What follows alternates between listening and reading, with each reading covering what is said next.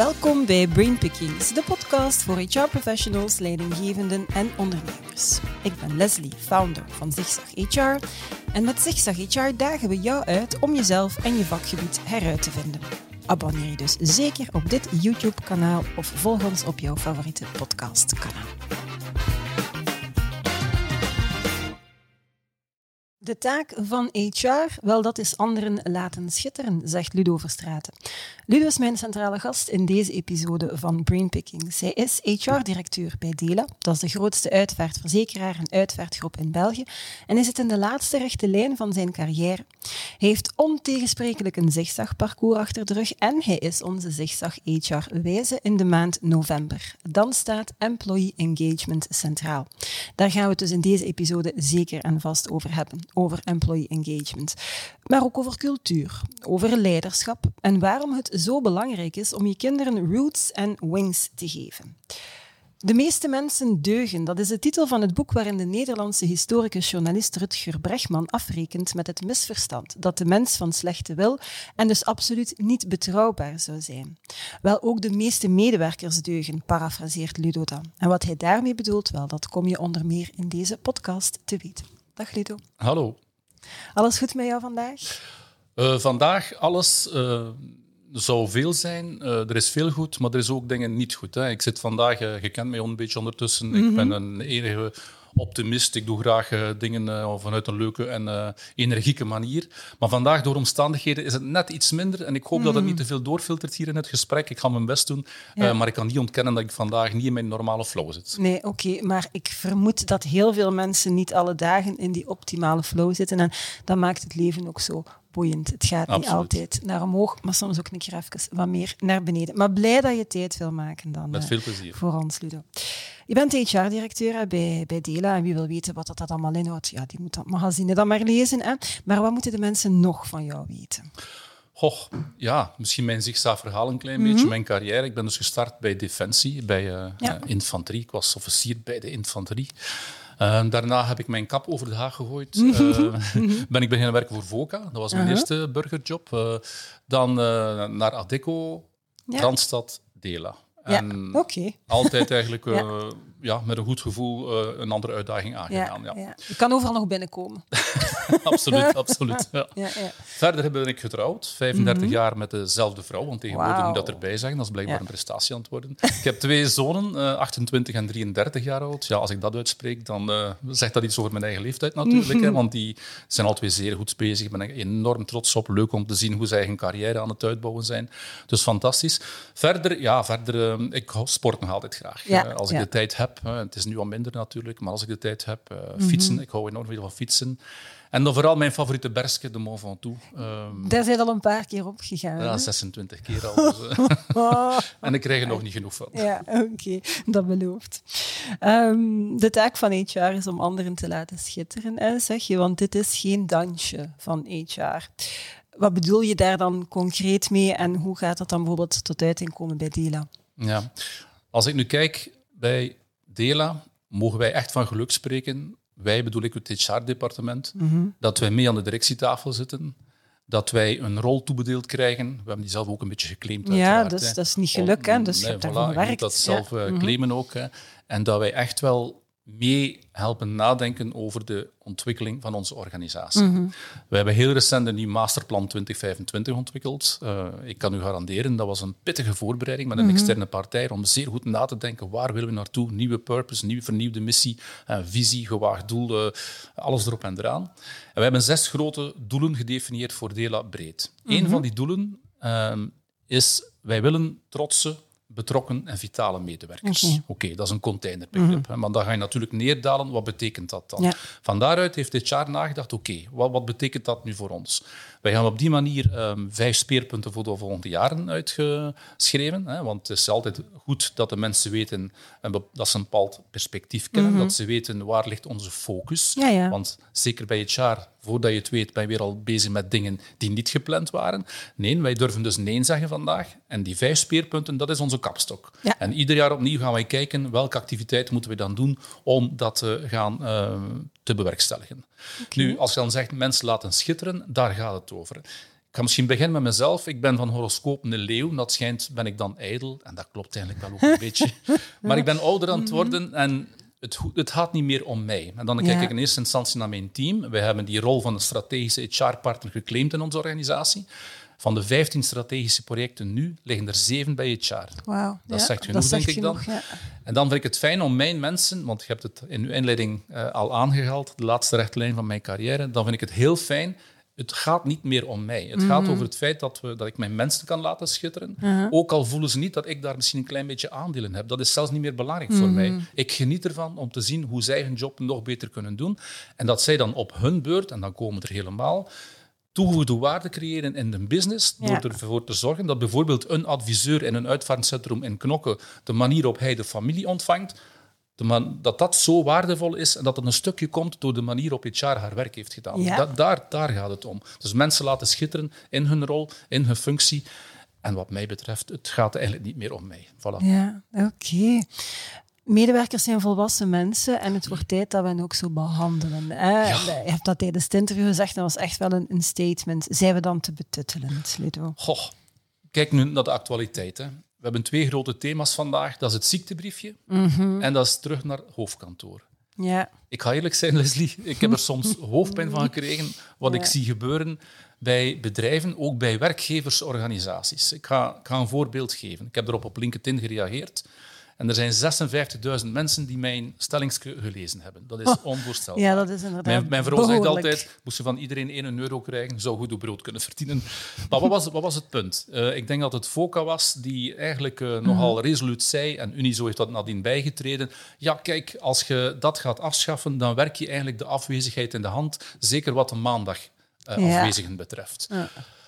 Goh, Dat zegt wel iets over de manier waarop wij kijken naar mensen. En dan ben ik natuurlijk geïnspireerd door Lucy Adams. Ik heb die dame ooit ontmoet in Nederland. Lucy Adams was vroeger HR-directeur bij de BBC, heeft haar eigen HR-organisatie opgericht. Disrupt HR, denk ik. Hè? Voilà, Ja, dat is ja. het inderdaad. En wat zegt zij? Beste bedrijven, leer nu eens kijken naar jullie medewerkers als volwassen mensen. Ja. Het zijn allemaal volwassen mensen die eigenlijk zeer goed kunnen oordelen.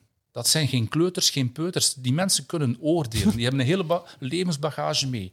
De meesten menen het zelfs zeer goed. ja? En besef ook dat al die volwassen mensen, dat die ook allemaal individuele wensen en behoeften hebben. Ja. Dus one size fits all, vergeet het. Zeg niet, je moet allemaal dinsdag en donderdag op het hoofdkantoor aanwezig zijn. Doe dat niet. Zeg niet uw ziektebriefje, we gaan dat toch maar doen voor iedereen hetzelfde, omdat er een paar, en dat moeten we ook wel erbij vertellen, er zijn er altijd een paar die Ja. pogen om eh, buiten de lijntjes te kleuren, maar dan moet je daarop gaan focussen, dat Ja. monitoren en met die mensen aan de slag gaan. En geen regeltjes gaan uitvinden voor die enkelingen die dan toch eventjes iets verkeerd doen. Op de duur heb je een verzameling van, van regeltjes en procedures. Ik haat het, echt waar. Ja. Ik wil echt wel die vrijheid geven. Natuurlijk, eh, we gaan het misschien nog over hebben, eh, houdt dat heel veel verband met in welk soort cultuur ben je dan ook aanwezig in je bedrijf. En Misschien gaan we het straks nog wel over hebben. Maar als FOCA en Unie zo roepen vandaag, ik ben nu heel kritisch naar die twee toe, ik heb nogthans vijf jaar gewerkt voor een van de twee, ehm, zij beïnvloeden zo ook de, de mindset van hun leden Ja. bedrijven, vind ik dan. En dit is niet goed. Wij moeten, we zijn de 21ste eeuw. De meeste mensen menen het goed. En nogmaals, het wil niet zeggen dat we niet scherp mogen zijn Nee, voor nee. degenen die het niet goed doen. Hè. Daar juist moeten we heel scherp op ageren.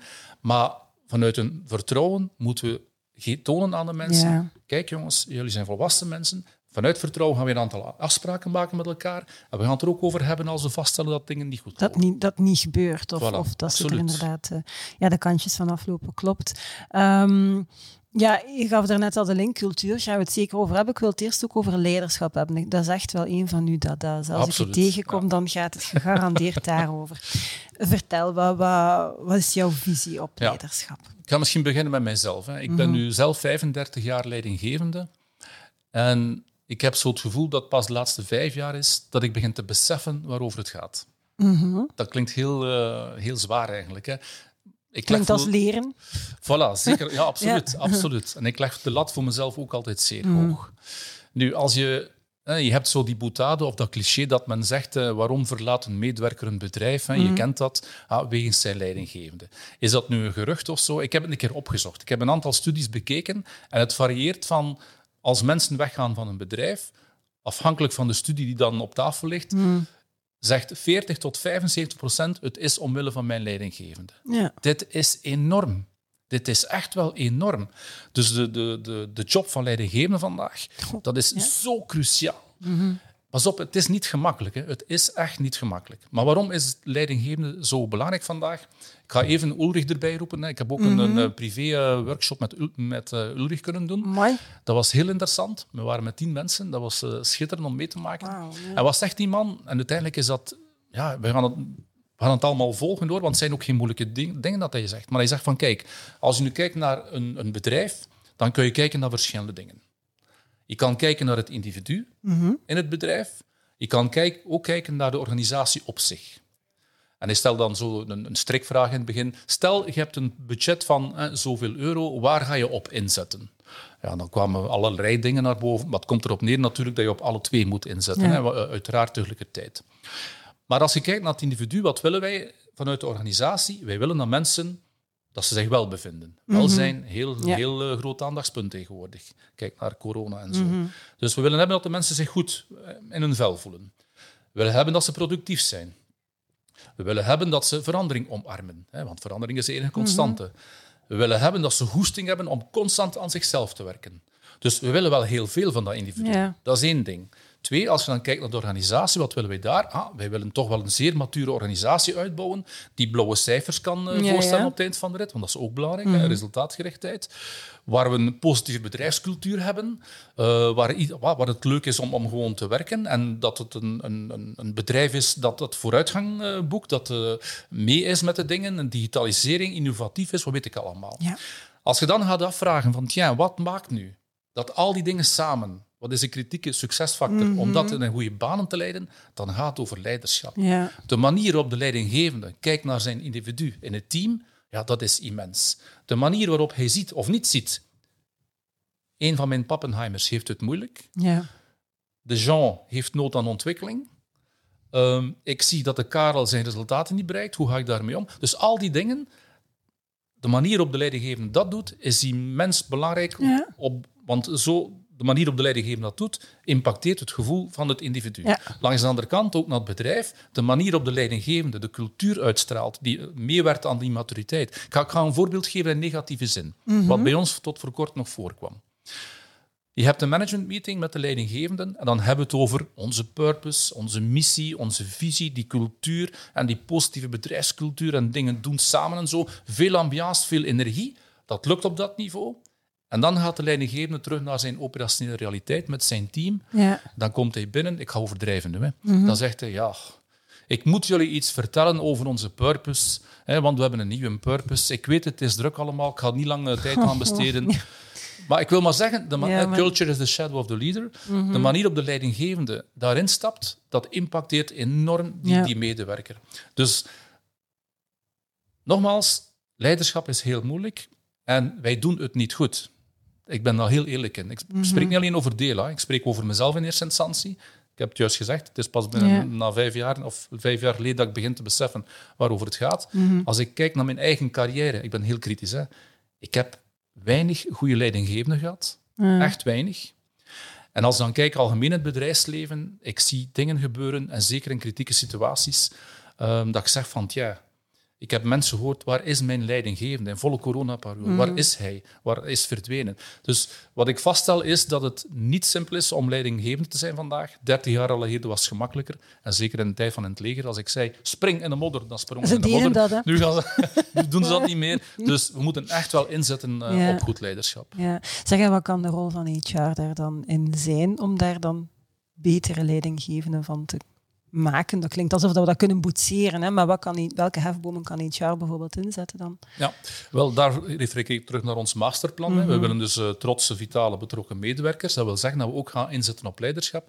En vanuit HR, samen met de leidinggevenden en zelfs met medewerkers, zijn wij op dit ogenblik bezig een uh, visie te creëren over het leiderschap dat wij willen hebben bij ons. Ja. En dat doen we samen. Het is geen dansje van dit jaar. Nee. Wij gaan een stukje de regie nemen, hè, want iemand moet het wel uh, activeren. Um, en de leidinggevende, we hebben trouwens deze voormiddag had ik nog een meeting daarover en gisteren nog een algemene meeting.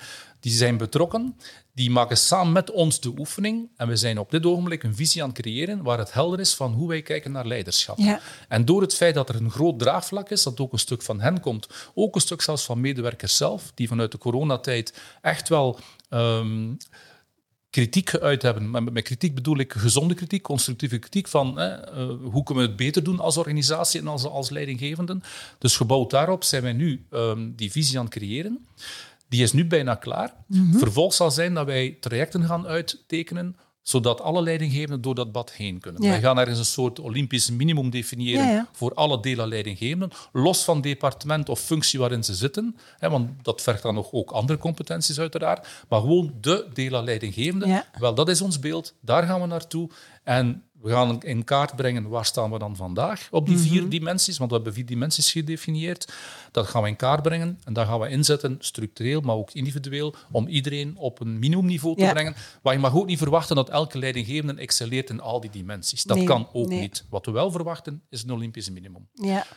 Dus dat moet eigenlijk minimum in al die leidinggevenden in een rugzak zitten. En inderdaad, de verhouding zal bij de ene persoon al wat meer in het ene component en dan, dan in de andere zitten. Dat klopt. Maar dat maakt het inderdaad ook heel transparant en duidelijk van wat wordt van mij verwacht, waar kan ik op aangesproken worden. En daar komt dan waarschijnlijk, nog hoor ik u zeggen, iets specifieks bij, afhankelijk van het departement waar dat ze dan... Ja, eh, bijvoorbeeld een, zijn. een leidinggevende die een commercieel team bij verzekering aanstuurt, zal toch wel een ander soort eh, competentie nog nodig hebben dan Ja. een leidinggevende die een uitvaartcentrum eh, aanstuurt. Maar basic, naar, naar attitude toe vooral, naar, naar hoe wij willen zijn, ook vanuit cultuur, ons. Mhm. DNA, onze waarden enzovoort. Daar zijn wel gelijke, gelijke Ja, zaken ja, voor ja. iedereen, absoluut. Oké. Om dan een bruggetje te bouwen naar die cultuur, hè, waar je naar verwijst, hoe zou je dan de cultuur bij, bij Dela omschrijven? Ja. Hoe ga ik dat voelen, ruiken, proeven, zien? Kom dus binnen. ik ben daar al geweest, dus ik weet het. dat is juist, dat is Ja. juist. Ja, dat klopt. Maar, dat is de smell of the place. Hè? Dat, dat als je binnenkomt zo. Maar ik wil eerst iets zeggen over cultuur, want dat is Ja. potverdik een breed begrip. hè. Moet maar een keer googlen zo, dan heb je tientallen, honderden managementboeken over cultuur.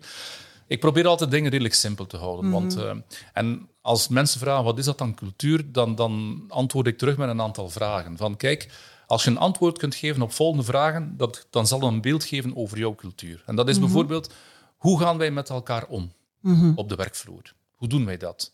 Hoe communiceren wij met elkaar? Hoe, hoe is dat dan? Wat gebeurt daar dan? Hoe geven leidinggevenden leiding?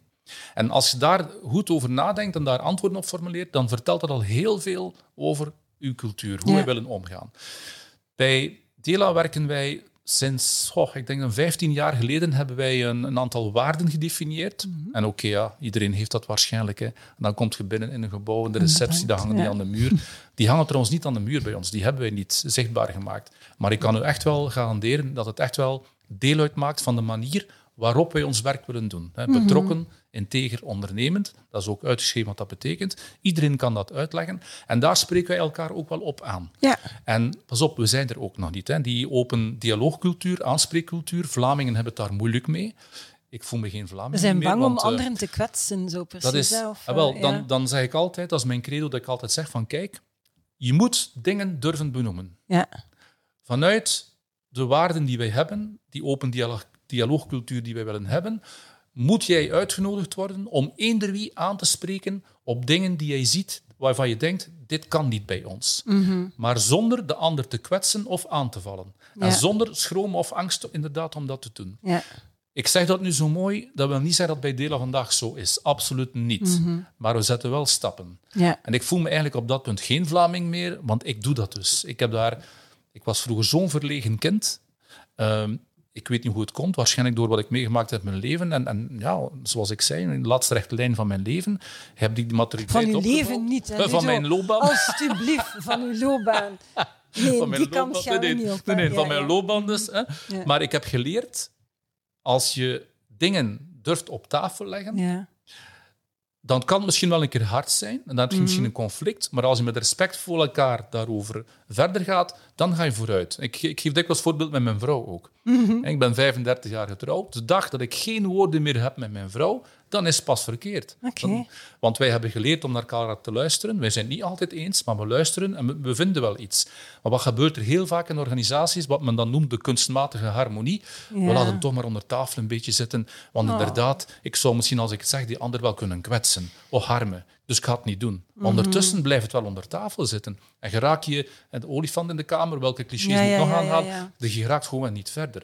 Ik ben dan iemand, en ik stel vast dat het niet evident is om dat bij iedereen te krijgen, want het, het komt, kan hard overkomen. Mhm. Maar ik ben ervan overtuigd, als wij in een veilige omgeving, die veiligheid moeten we ook helpen creëren, Ja. uiteraard. Hè. Ja. Dat doen we ook. Als je een veilige omgeving kunt creëren vanuit vertrouwen, en je kunt dan dingen op tafel leggen en op een mature, volwassen manier het daarover hebben, wetende dat we elkaar niet willen kwetsen of aanvallen, dan ga je pas vooruit als organisatie, als team, als individu. Ja, ja. Ja.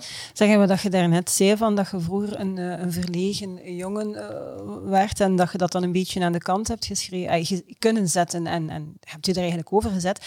Dat doet mij denken aan ehm, een interview dat we ook deze maand met, met Jode Poorter ehm, gaan publiceren. Dat ging over charismatisch leiderschap. Hij heeft daar een heel mooie definitie van gegeven, want ik dacht van ja, we gaan het weer over leiderschap, de boutades gaan. Maar hij zei voor mij is charismatisch leiderschap het feit dat je in de eerste plaats jezelf en daarna anderen in beweging kunt brengen. En hij gaf aan, of hij verwees liever naar onderzoek, waaruit blijkt dat, ik ken het cijfer niet uit mijn hoofd, maar 67 of 76 procent van de mensen die als charismatische leiders door anderen omschreven worden, zijn introverte mensen. En die zijn er net in geslaagd om die introversie, die verlegenheid opzij te zetten, omdat ze zo hard geloven in een project, een verhaal, een ideologie en, en, en wat dan ook. Ik vond dat heel mooi en ik herken het eigenlijk wel een, een beetje bij u, van dat je Ja. heel gedreven uzelf en anderen in beweging brengt om te gaan voor wat dat jij aanvoelt, een goede weg kan Ja. zijn. Dus ik vind dat wel eh, ja, mooi. Ja. Ik wil misschien wel een, een, een, iets, eh, iets vertellen dat raar gaat overkomen, denk ik. Mhm. Ik ben inderdaad, want wat er gebeurt in uw jeugd is enorm belangrijk Ja. en het fundament voor wat er in uw verder leven gebeurt. Ja. En een van de redenen dat ik zo verlegen was, als kind kon ik niks goeds doen. Ja. Mijn moeder zei mij ooit, en dat zal hard binnenkomen, eh, toen ik tien jaar was, Ludo, je bent een ongeluk. Dat was ook zo. Oh, ja. En je was er beter nooit geweest. Dus als men zoiets zegt aan jou als tienjarig kind, je moet er zeker van zijn, dat kleeft op je ziel Ja. voor de rest van je leven. Ja. Maar dat was voor mij dan juist de kentering van potverdikke. Ik zal nu eens bewijzen zijn Ja. dat ik, ik wel waardevol kan zijn. Ja. En daar gaat het voor mij over. Dat iedereen waardevol kan zijn voor de ander, voor Mhm. bepaalde projecten, whatever. En ik heb toen al, het is voor mij eigenlijk een aanzet geweest om op alle vlakken, ook sportief vlak, mij te bewijzen van, Ja, ja. kijk een En ik wel beweging te komen. Voilà, Ja. dat was het. Dus eh, ik moet misschien zelfs mijn moeder dankbaar zijn dat, Ja. dat ze dat gezegd heeft. Hè. Ehm, en dit is... En vandaar ook... Want je, je gaf nog in de inleiding nog iets over eh, roots en wings. Ja, ja. Eh, Misschien ja. mag ik het bruggetje Ja, maken. doe maar. Ja. Ik heb dat niet gehad als kind. Eh, Mhm. Ik had, mijn jeugd was, was echt niet, niet, niet oké. hè. Ik heb twee schitterende zonen en mijn vrouw heeft me geholpen om op een zeer goede, positieve manier onze zonen roots en wings te geven. Nou, wat bedoel ik daarmee? Laat ze uitvliegen. Die hebben een competentie, die hebben Mhm. hun keuzes, die hebben hun kijk op de wereld. Laat ze maar doen. Maar geef hen mee van, als het nodig is, wij zijn altijd hier. Ja. Met open armen gaan we jullie altijd terug ontvangen. Ik heb dat dus niet meegemaakt, dus ik kon... Ik wist hoe het niet moest. En mijn vrouw heeft me wel geleerd hoe het wel moest. Maar dat is zo belangrijk. En ook voor de... eh, Ik heb dat ooit een keer in een blog geschreven. Mensen, als je kinderen hebt, denk goed na hoe dat met je kinderen omgaat. Want dat is zo impactvol voor hun verder leven, voor hun carrière. Ja. De manier op ze hun werk gaan invullen. Je draagt dat mee voor de rest van hun leven. En dat waardevol zijn naar anderen toe, naar, naar Mhm. of zingeving. Dat is ook zo'n term dat veel gebruikt wordt. Ehm, ja, voor mij was het niet leuk, maar het heeft mij wel gesterkt om op een goede manier eh, Ja. naar, naar die dingen te kijken. Het heeft je inderdaad gemaakt tot de persoon dat je vandaag zijt. En je bent dan onderweg ook nog wat mooie andere mensen tegengekomen. Ehm, ik kan me inbeelden dat bij veel mensen dat dat ook op de ziel blijft kleven, maar dat dat negatief gaat en dat je dan in het slechtste geval in zo'n spiraal terechtkomt. Hè, van als je zelf die roots en die wings niet gekregen hebt en je geeft dat aan je eigen kinderen niet door, dan zijn we wel vertrokken voor eh, Ja, ik heb, meerdere generaties. ja, en wel, ik, het heeft mij wel ook geconfronteerd. ehm, want ja, je weet of je weet niet, in 2015 heb ik een zware burn-out gehad. ja. En daar was een professioneel issue enkel de spreekwoordelijke druppel. Ja. Want de roots lagen wel in mijn kindertijd. Ja, maar ja. Want op dat moment in 2015 voelde ik weer van, ja, wat is mijn meerwaarde hier nu vandaag in dat bedrijf? Ik voelde het niet meer. Ik voelde niet dat ik een meerwaarde had. En ik ben wel iemand, ik wil, ik, als ik ga Ja. werken, wil ik wel iets wil ik wel hebben. Dat, iets- het moet ertoe ja, bijdragen, ja, ertoe doen. Hè. Dat is ook zo'n woord, hè, ertoe doen. Voor mij moet, moeten de dingen ertoe doen en ik wil er ook wel toe doen. Mhm. Op dat ogenblik voelde ik het niet meer. En ik heb dat altijd opgekropt. Ik kwam gewoon thuis. 17 augustus 2015, ga ik nooit vergeten. Amai. Het was een warme dag, kwam ik thuis en mijn lichaam heeft toch gewoon rond de overgenomen. verjaardag denk ik dan als je een leeuw bent. 16, 16 Oh, dagen na mijn ja. verjaardag. Ja.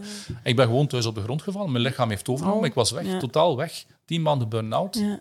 Iedereen die mij kende zei van, maar Fallon, dat kan toch niet? Jij officier bij het leger en niet van drie en dit en dat. Maar het gaat over waardevol kunnen zijn. Mhm. En eh burn-out is voor mij weinig te maken met stress op het werk. Misschien zijn er wel linken. Voor mij had het te maken met eh, wat er in mijn jeugd is gebeurd van Mhm. ehm, ja, niet waardevol zijn, niks goeds kunnen doen.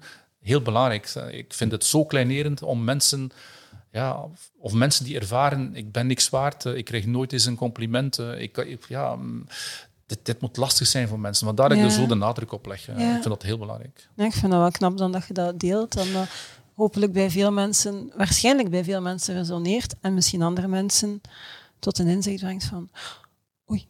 Ik, Ja. kan, ik kan daar nu openlijk over spreken, geen Ja. probleem. Ik herinner mij dat ik eh, op LinkedIn had ik een blog geschreven daarover. Ik ben benaderd geweest door CEO's die ik niet ken. Mhm. Die zeiden van Ludo, we kennen elkaar niet. Ik durf niet wat jij nu doet. Ja. Enorm veel reacties. Ik weet ook nog, dat, dat was ook heel mooi. Ehm, dat toen ik terug was, gaf ik een, eh, een, een, een sessie voor al, al onze leidinggevenden bij Mhm. Dela. En ik vertelde mijn verhaal. Het was Ja, muisstil. eh, En dat is ook een kracht die ik geleerd heb van je kwetsbaar te durven opstellen. Mm. Je moet een macho, bij de mannen al sinds, hè. niet een macho Mm. uithangen, niet ego. Gewoon menselijk kwetsbaar durven zijn wanneer het moet. Je moet ook niet gaan, ah, ik bedoel niet altijd het, het, het, het Nee, watje gaan uithangen of zo. Nee. Maar daar was een moment dat ik mijn verhaal heb verteld. Waarom deed ik dat? Dat het waren allemaal leidinggevenden, omdat ik wist van, het kan best zijn dat in jouw team er nu iemand zit Ja. die op het randje is. Dus wees daar alert voor, zorg dat mensen daar niet geraken en weet dat dit kan spelen. Ja. En vermijd dat mensen in die fase gaan zitten, want ik kan u verzekeren, dit is niet plezant. Hè? Dus ik wil. Nee. dat nooit meer meemaken. Dit is echt niet plezant geweest. En vandaar, vandaag spreek ik daar zeer open over, omdat ik besef, van de honderd mensen die het horen, als er vijf zijn die zeggen, potverdikke, dan heb ik er vijf misschien geholpen. En dat is voor mij belangrijk. Ja, ja. Stop de tijd en wees, wees af en toe eens lekker egoïstisch. Dat is uw advies, hè? Ja. Wat bedoelde daarmee? Moeten we dan allemaal toch egoïstisch zijn en dan vooral aan onszelf denken en de ander kan dan maar de boom in? Af en toe wel. Oké. Eh, Oké. ik, ik gebruik de metafoor ook van het vliegtuig. Hè. Als je het vliegtuig neemt, dan uh, die hostessen die gaan dan uh, voor de zoveelste keer hun, hun, hun verhaal vertellen. en wat zeggen die dan als er zuurstoftekort is? Het zuurstofmasker valt dan van Ja. bovenuit. Wat zeggen die? Eerst Eerst op uw eigen gezicht. En dan pas op het gezicht van uw dochtertje. Ja. Ook al zou het liever anders misschien willen doen. En dan wil ik dus inderdaad zeggen, als jij niet voor jezelf kunt zorgen, dan kunt je ook niet zorgen voor anderen. En af en toe moet je echt wel zeggen, ik noem het ook zo, hè, wees een keer egoïstisch. Ehm, met dat thuiswerk bijvoorbeeld nu ook. ehm, in het begin dan heb je... Hè, wat was de observatie met dat thuiswerk in het begin? Het overviel ons allemaal. En van 's morgens tot 's avonds laat waren wij aan het werk. We werkten meer dan vroeger. Ja. En dan was dan de vraag van, is het dan oké dat ik om twee uur 's namiddags toch een keer een half uurtje met een hond ga wandelen? Tuurlijk is dat oké, potverdikke.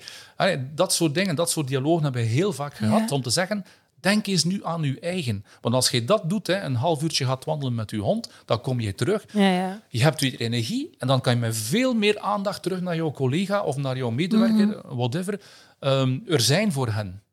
In plaats van dat je zelf constant opblaast en, en dat men voelt van, oh, die zit ook op zijn grens. Dus stop de tijd. Dat was van een, een, een bierreclame van heel lang geleden. Hè, pakken, hè, weet wel. Ehm, maar dat moeten we soms een keer doen. Ik herinner mij trouwens nog een interview van ehm, heel lang geleden vanuit FOCA. Dat was toen Martijn de Prijker eh, CEO werd van Barco Kuurne. Dat is heel lang geleden hoor. En eh, Martijn de Prijker was een Oost-Vlaming en Barco Kuurne eh, West-Vlaanderen. Ja. En ik denk dat Karel Cambien was, een journalist, die, die leest nog altijd actief trouwens, die stelde de vraag aan eh, Martijn de Prijker, klopt dat cliché nu van die noeste West-Vlaamse werkers? En zijn antwoord was toen ook, dat klopt, zegt hij, dat zijn harde noeste werkers, maar eigenlijk, zegt hij, zouden ze allemaal beter af en toe een keer stoppen, even gaan zitten en een keer even nadenken. Ja. Om dan twee stappen sneller te gaan. Dus dat is ook daaraan gelinkt. Wij moeten durven zeggen, even stop. Ik heb een keer een boek gelezen, een goede manager mag is een, is een luie manager. Ja. En dat is ook zo van, god ja, je moet durven zeggen, oké, en nu even achteroverleunen. Ja. Waarmee zijn we bezig? Is het nog altijd goed? Is het niet goed? En wat doen we daaraan? En in plaats van altijd maar te, te hollen, te hollen, te hollen. Ja, ja. En ja, we zijn allemaal in hetzelfde bedje ziek hoor. Als ik zo kijk naar het bedrijfsleven, de, rat race zegt men dan ook. Ik denk dat er dan nog werk aan de winkel is. Ik ben heel blij nu, waarschijnlijk een beetje ingegeven door corona, dat de, de aandacht naar welzijn is Ja. verhoogd. Ik ben daarvoor heel blij. Bij ons was dat al belangrijk. Dat is ook een van de grote strategische projecten bij ons. Welzijn, het welbevinden van onze medewerkers.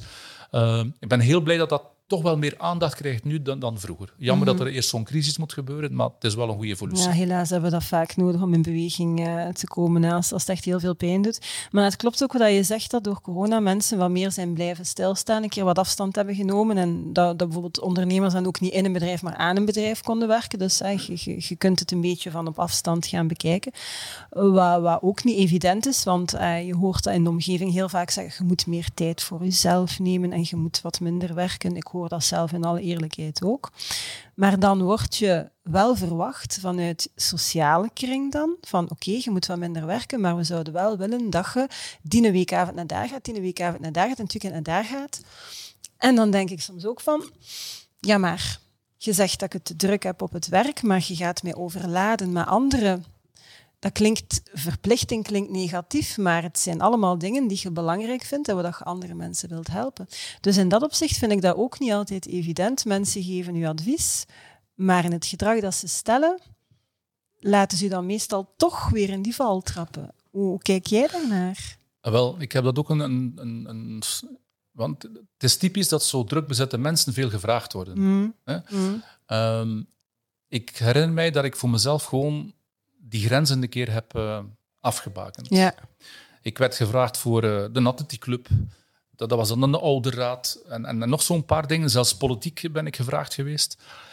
Allemaal leuke dingen. Mm, Allemaal leuke dingen. Maar ik heb op een bepaald moment gezegd van kijk, ik stop daarmee. ja.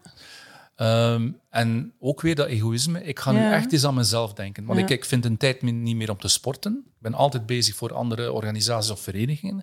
Ik ga ermee stoppen. Ik heb Ja. dat toen wel afgebouwd. Oké. Ehm, en ik denk ehm, dat wij assertief mogen zijn naar die andere mensen. Zeggen, kijk, Mhm. ik begrijp dat je die vraag stelt aan mij. En het flatteert mij ook wel een beetje, want vermoedelijk wil dat zeggen dat jij in mij wel iets ziet dat iets kan betekenen. Of dat, dat je graag mij in de buurt hebt, Voilà, als het ja. privé is dan maar je moet ja. begrijpen, uit zelfzorg ga ik er niet op in. Mhm. En ik leg dat gewoon uit. ja. En wat, wat wij vaak hebben, als, zeker als Vlamingen, ja, wat gaan ze dan denken van mij? Ja, ja. Ik ben daarover. Hè. Het, het is mij, in het Duits zeggen ze, scheißegal wat ze van mij denken. Echt waar, sorry voor de uitdrukking, maar ik heb dat geleerd. Dat interesseert mij niet meer. Echt waar niet.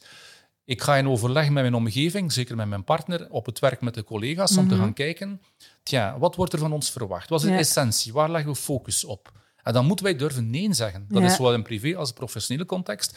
Ik durf dat nu doen. Ik heb daar geen complexen niet meer mee. En dan weet, de ander, dan weet de ander het ook. ja. En dat is misschien niet prettig om te horen, hè, maar zo wat. Ik bedoel, ik val hem niet aan, ik wets hem niet, maar ik probeer uit te leggen vanuit mijn, van wie ik ben, hoe ik kijk, vanuit mijn grenzen. Dit ga ik nu even niet doen. Oké, Ja. helder.